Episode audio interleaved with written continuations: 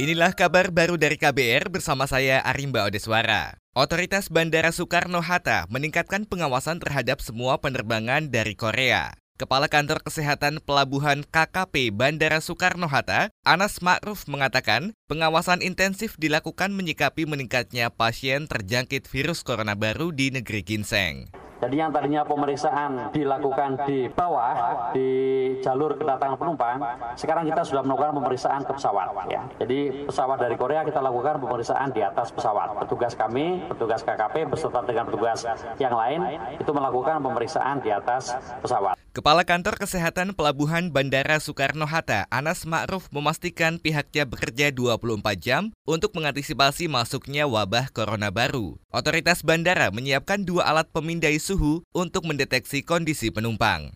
Sementara itu, saudara, maskapai Lion Air Group mulai hari ini resmi menghentikan sementara semua layanan penerbangan umroh dari 13 kota keberangkatan ke Arab Saudi. Juru bicara Lion Air Danang Mandala Prihantoro melalui keterangan resmi mengatakan belum bisa memastikan sampai kapan penundaan ini diberlakukan. Menurutnya, kebijakan tersebut sesuai dengan pemberitahuan resmi pemerintah Saudi dan surat edaran Kementerian Perhubungan. Keputusan penghentian kunjungan ke Saudi dilakukan dalam rangka pencegahan penyebaran virus corona baru. Lion Air telah meminta seluruh mitra dan agen perjalanan umroh untuk menginformasikan penundaan kepada calon jemaah. Lion juga akan menjemput sekitar 13.000 jemaah umroh dari Madinah dan Jeddah.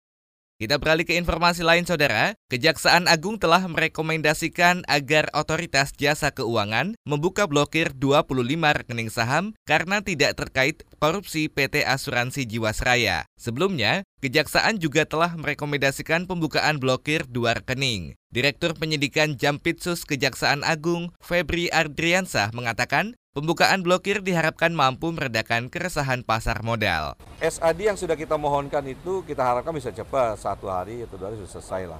Tetapi yang kita blokir akan kita bawa ke persidangan. 25 sudah dibuka ya? 25 sudah dibuka ya. 25 sudah dibuka, nama-namanya silakan cek di OJK.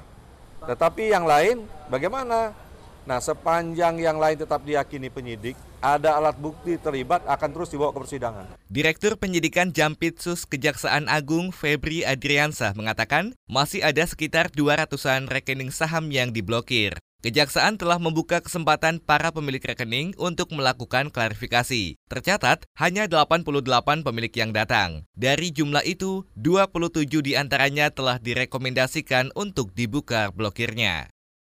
Enam desa di Sidoarjo Cilacap, Jawa Tengah masih terendam banjir akibat hujan lebat pada Kamis malam. Enam desa tersebut antara lain Tinggar Jaya, Sudagaran, Sidarja, Gunung Reja, Sidamulya, dan Tegal Sari. Banjir berpotensi meluas jika hujan lebat kembali mengguyur kawasan Cilacap Barat. Camat Sidarja Budi Narimo mengatakan sedikitnya 900 rumah warga terendam banjir. Bahkan sejak dua tahun terakhir ini yang terbesar lah, sejak dua tahun terakhir. Kalau penyebabnya kan satu hujan besar yang merata di kawasan Cilacap Barat. Eh, yang kedua karena Kali Ciberem memang sudah tidak bisa menampung air dari anu anak-anak sungai Ciberem Pak, jadi melimpah ke daratan. Itu kedalaman kedalaman ya antara 50 sampai 75 cm Pak. Yang terendam ke saya 6 desa Pak. Samat Sidarja Budi Narimo mengklaim Pemda telah menghadirkan tiga posko utama pengungsian, yakni pendopo Kecamatan Sidarja, Aula Koramil Sidarja, dan Gedung Olahraga Serbaguna. Ia memastikan kebutuhan logistik bagi pengungsi juga telah siap didistribusikan. Meski begitu, Budi mengaku belum mengetahui rincian data jumlah pengungsi